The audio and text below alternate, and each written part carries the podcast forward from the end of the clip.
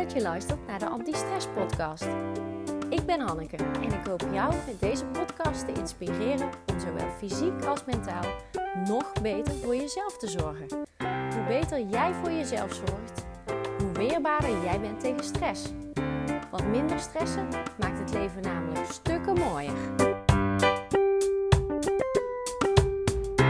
Wat leuk dat je luistert naar deze derde aflevering van de Anti-Stress Podcast. Vandaag wil ik het met je hebben over wat zou je doen als het oordeel van anderen niet bestond? Ja, ik hoor je denken. Dan zou ik iets heel anders doen. Of dan zou ik iets doen wat al lang in mijn hoofd zit, maar wat ik nog nooit heb uitgesproken. En precies. Dat is nou juist zo ongelooflijk zonde. En ik snap wel dat je niet ineens totaal een ander persoon wordt. Maar wat wel mooi zou zijn, is als ik je een klein beetje aan het denken kan zetten.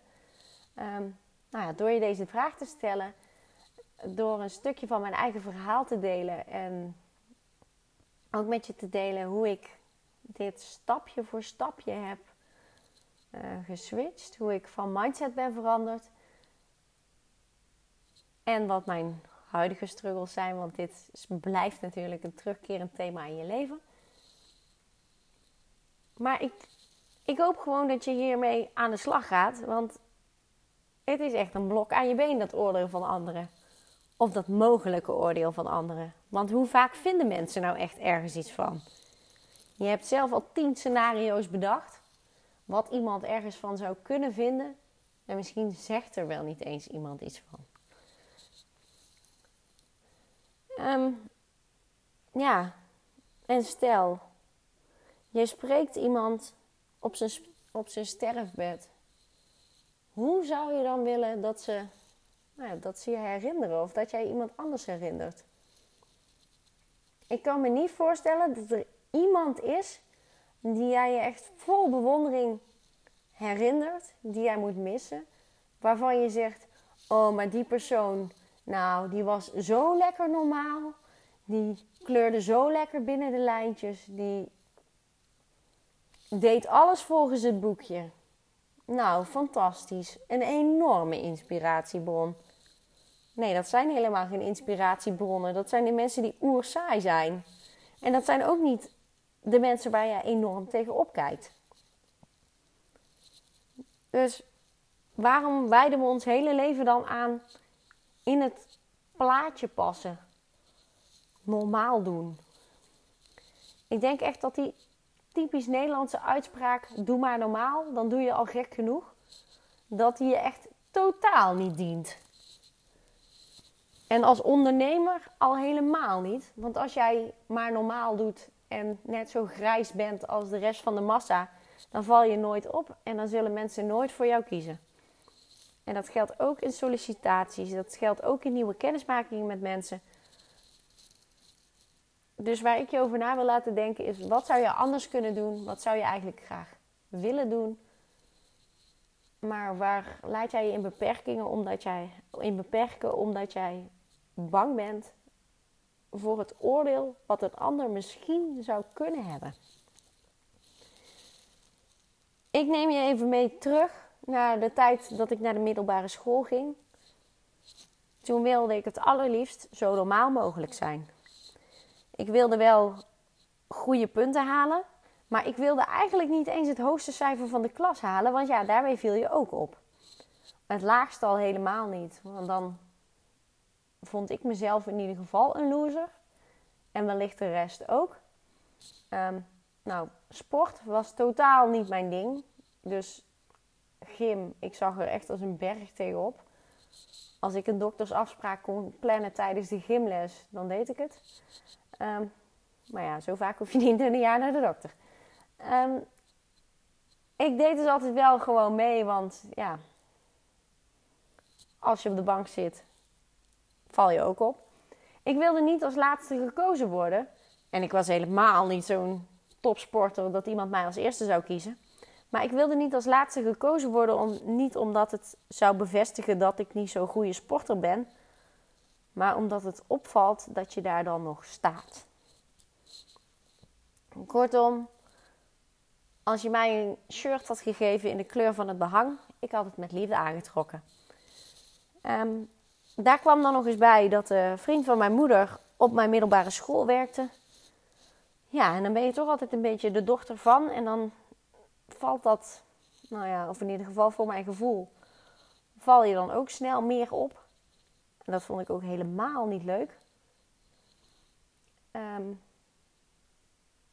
ja, en ik was vooral gewoon onzeker over mijn prestaties, maar vooral ook over mijn uiterlijk, hoe ik overkwam op andere mensen, of ik wel leuk genoeg was, of ik, nou ja, grappig probeerde ik denk niet eens te zijn, want dat, nou ja, dat viel, dat viel ook te veel op.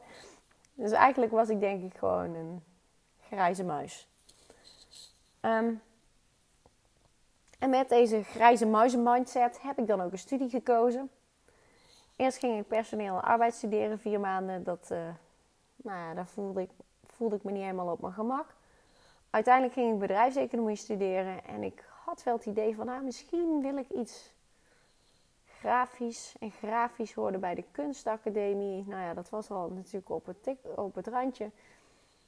En ja, kon je daar wel geld mee verdienen dan doe je wel iets heel aparts. Dus ik ging bedrijfseconomie studeren.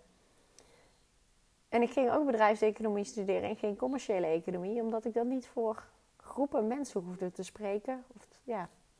En wat wil ik nu? Spreken op een podium, een podcast opnemen en mijn gezicht laten zien in Instagram stories. Dus hoe kan de mens veranderen? Um, maar daarmee laat ik me dus allemaal um, beïnvloeden door anderen. Uh, wat anderen zouden kunnen vinden. Nou, dat is nog steeds een hele hoop. Het is wel minder geworden.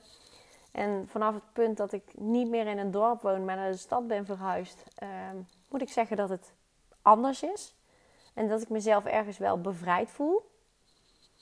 Ehm, ik denk ook dat ik niet meer terug zou keren in die oude rol als ik weer terug zou verhuizen naar een dorp of datzelfde dorp of dezelfde omgeving.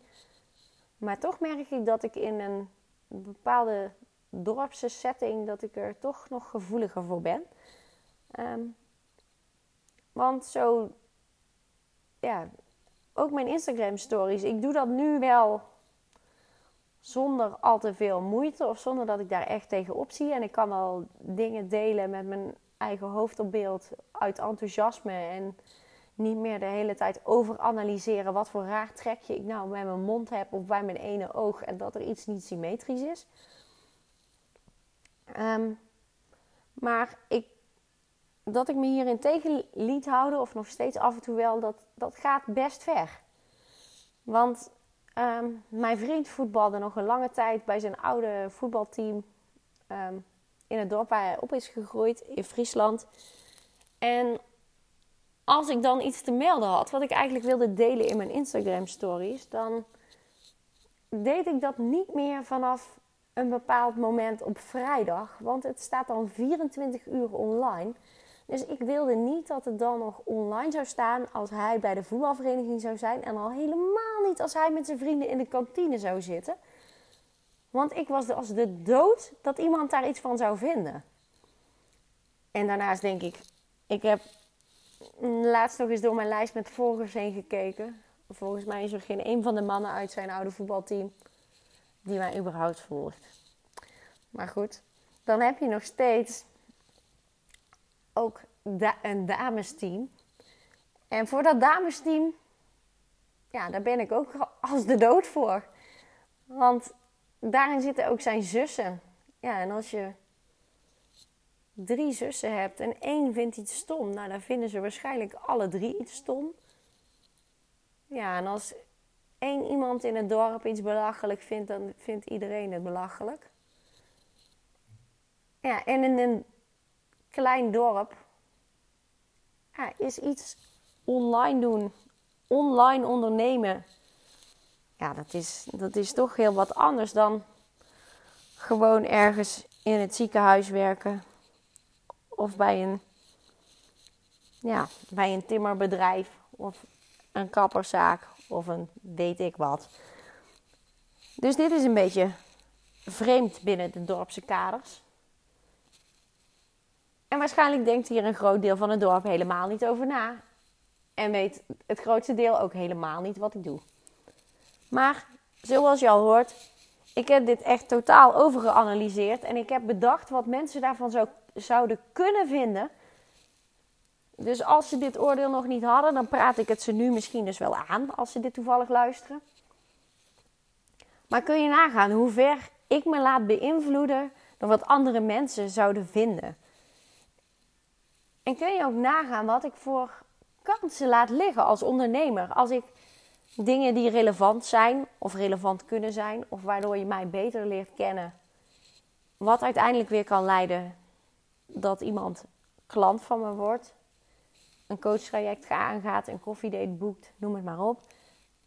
En ik doe dat niet uit angst voor een aantal volgers die ik heb. Op ongeveer 2000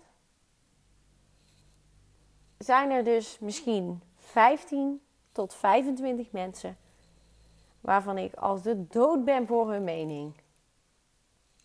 Het is toch waanzin. Het slaat echt helemaal nergens op. En dat weet ik ook. En ik, het lukt me dus ook steeds beter om dit te laten varen. Ik durf het aan op vrijdag gewoon stories te maken. Ook als we zaterdag zelf uh, beide naar Friesland gaan. Of beide teruggaan uh, naar het dorp uh, waar ik zelf opgegroeid ben of de regio. Maar zo zit er ook nog steeds wel een drempel op om in mijn camera te praten als mijn vriend erbij is. Of als mijn zus erbij is. Of als andere mensen erbij zijn. Of te vloggen als er meer mensen op straat lopen. Vind ik allemaal enorme dingen. Um, ja, en dat is zonde. En ik zeg niet dat ik de hele dag met mijn hoofd op die camera moet. Maar het is gewoon zonde dat we eerst denken: wat zou de wereld vinden? voordat je iets gaat doen. En dat kan dus met van alles zijn. Dat kan je met, met online zichtbaar zijn. Maar dat kan ook met het uitoefenen van een bepaalde hobby. Of met ja, iets wat jij gewoon altijd al heel graag wil. Kun je je daardoor tegen laten houden. En ik, toen ik uh, de opleiding stress en burn-out begeleiding uh, volgde, was dit ook een thema wat heel vaak terugkomt. Omdat we nou ja, je gaat allerlei oefeningen doen en die ga je uh, met elkaar oefenen. Dus uiteindelijk denk je, in ieder geval, ik dacht eerst, ik ga deze opleiding even doen en dan weet ik meer over hoe je mensen met stress en burn-out gaat begeleiden. En vervolgens zit je jezelf weer binnenste buiten te keren en komen er allerlei belemmerende overtuigingen boven. Nou, en dit was een onderwerp wat bij, bij mij wel eens boven kwam, maar ook bij andere mensen. En daarmee uh, kwam ook het onderwerp LinkedIn naar boven. Want ik denk voor mij en ook voor andere mensen die uh, het coachvak beoefenen. En die graag zouden willen dat ze via een werkgever bijvoorbeeld uh, aan de slag kunnen. Dat, het, nou ja, dat LinkedIn een super waardevol medium is. Maar LinkedIn is ook zo'n drempel. Dan is Instagram misschien nog allemaal een beetje laagdrempelig en lollig. En het kan allemaal wel. Maar LinkedIn, LinkedIn is om te pochen met je met je titels, met je fantastische prestaties, met je mooie zakenreizen. Allemaal opgeblazen, bla bla. En ik heb besloten dat ik wil groeien op LinkedIn, omdat ik dus denk dat daar markt zit, omdat ik um, meer voorlichting over stress wil gaan geven bij bedrijven, uh, aan medewerkers, maar ook aan management. Hoe ga je nou om met mensen met stressklachten? Um, maar ik heb besloten, ik ga gewoon de toon aanslaan die bij mij past. En niet die in die bla bla wereld past. Um, dus ja, misschien zit daar af en toe een soort van grapje in. Een sarcastische zin. Een, iets wat niet te serieus moet worden genomen. Iets wat ik enorm overdrijf. En uiteindelijk denk ik toch, als ik dicht bij mezelf blijf, dan, nou ja, dan is de kans dat dat pakt. En dat iemand dat onthoudt veel groter dan dat je allerlei zakelijk taalgebruik neerzet. En alleen maar je fantastische leven en je hoogtepunten zakelijk deelt. Um, dus dat is echt een enorme drempel die ik heb overwonnen. En er zijn er dus nog steeds meer te overwinnen. Want ook voor deze nieuwe podcastaflevering voel ik ineens meer druk. Want dit is de eerste podcastaflevering die ik opneem sinds dat de andere twee online staan. En toen ik die eerste twee opnam, toen had ik nog steeds het idee, nou ja, mocht ik het uiteindelijk niks vinden of mocht ik er niks mee gaan doen, dan wist ik deze memo's op mijn telefoon wel gewoon. En nu denk ik, er moet iets gebeuren. Ik moet waarde leveren. Ik had al lang een nieuwe aflevering moeten uploaden. Want ik wil één keer per week een, uh, een aflevering uploaden. Omdat ik vind dat er consistentie in moet zitten. En dat is natuurlijk ook wel bewezen dat dat beter werkt. Um, maar ik had tussen kerst en oud en nieuw gewoon enorm de behoefte om niks te doen. Om Netflix uit te spelen. En ja, om gewoon even bij te tanken, op te laden en nieuwe inspiratie op te doen. En ja, zo zijn er tal van onderwerpen te bedenken van dingen die je zou kunnen doen of anders zou kunnen doen als er geen oordeel van anderen was. En er zijn ook een hele hoop onderwerpen waar anderen sowieso een oordeel over hebben. Want heb jij het antwoord wel eens gegeven als iemand aan jou vraagt op je werk: Wat ga je dit weekend doen?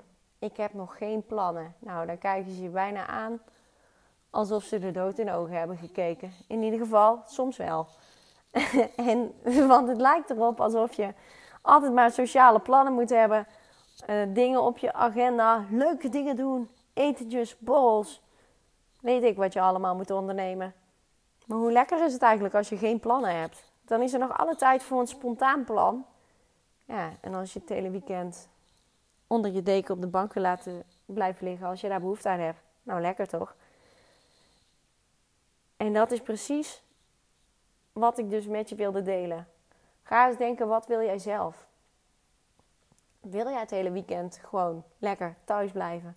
Er is helemaal niemand die zegt dat jij die sociale verplichtingen aan moet gaan. En natuurlijk moet je je sociale contacten niet totaal verwaarlozen, zodat je als een kluizenaar op deze wereld overblijft.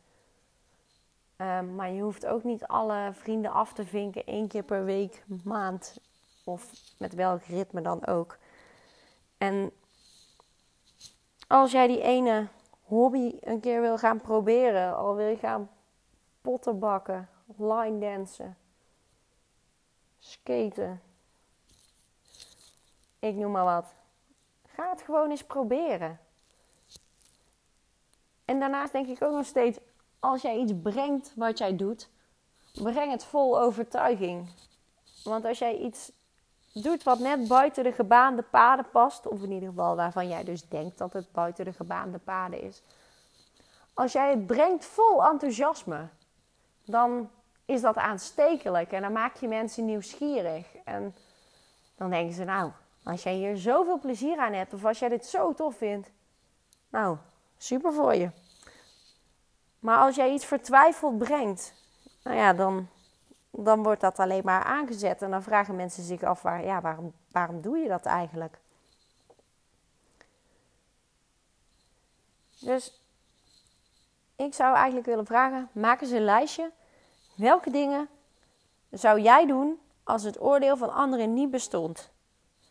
En pik er eens één uit die niet al te zwaar voelt. Wat kun je nu al doen om daaraan toe te werken? En zo heb ik er ook nog honderd hoor. Want ik moet, nou moet, ik wil eigenlijk al weken een aantal mensen uit mijn netwerk een berichtje sturen. Met dat als zij ooit een spreker zoeken op het gebied van stress, stresspreventie, je grenzen aangeven, al dat soort onderwerpen, of ze dan aan mij willen denken. Maar ook daar ben ik bang voor het oordeel. Omdat ik bang ben dat ik te salesachtig mezelf probeer te verkopen. Terwijl ik ben helemaal geen gladde salespersoon. Dus zo zal het vast ook niet overkomen. Zo breng ik het ook niet. Dus zo kan, het ook, zo kan iemand het ook helemaal niet interpreteren. Maar toch doe ik dit dus nu nog steeds niet, omdat ik bang ben voor dit oordeel van anderen. Kortom, dit staat op mijn lijstje om de komende week te gaan doen. En ik ben ook heel benieuwd, wat ga jij doen? En ik zou het super leuk vinden als je, nou ja, sowieso laat weet, weten dat je dit geluisterd hebt. Dat je die 20 minuten die ik nu al vol heb gepraat, dat je die uit hebt gezongen. Ehm, dus ik ben benieuwd, wat ga je doen? Wat is je eerste stap? Stuur me dus een berichtje op Instagram. En dan ga ik je nog één vraag stellen. Um, met, de, nou ja, met het gevoel dat je daar geen oordeel over gaat hebben. Want wat zou ik doen als, er, als mensen geen oordeel hadden? Nou, dan wil ik je vragen: ga naar iTunes, zoek mijn podcast op, geef even een beoordeling in sterren. En mooier nog, heb je dit geluisterd of heb je alle afleveringen geluisterd? Schrijf even een korte review. Want als je, hoe meer reviews een podcast ontvangt, hoe hoger dat hij uh, in de ranking komt. Of hoe hoger dat hij uh, komt. En daardoor is hij beter vindbaar. En daardoor kunnen we nog meer mensen inspireren om dingen te gaan doen die lekker buiten de lijntjes zijn. Dus um, ik wil jou bedanken voor het luisteren. Mocht je vragen hebben, stuur me een berichtje. En succes met buiten de lijntjes kleuren. Doei!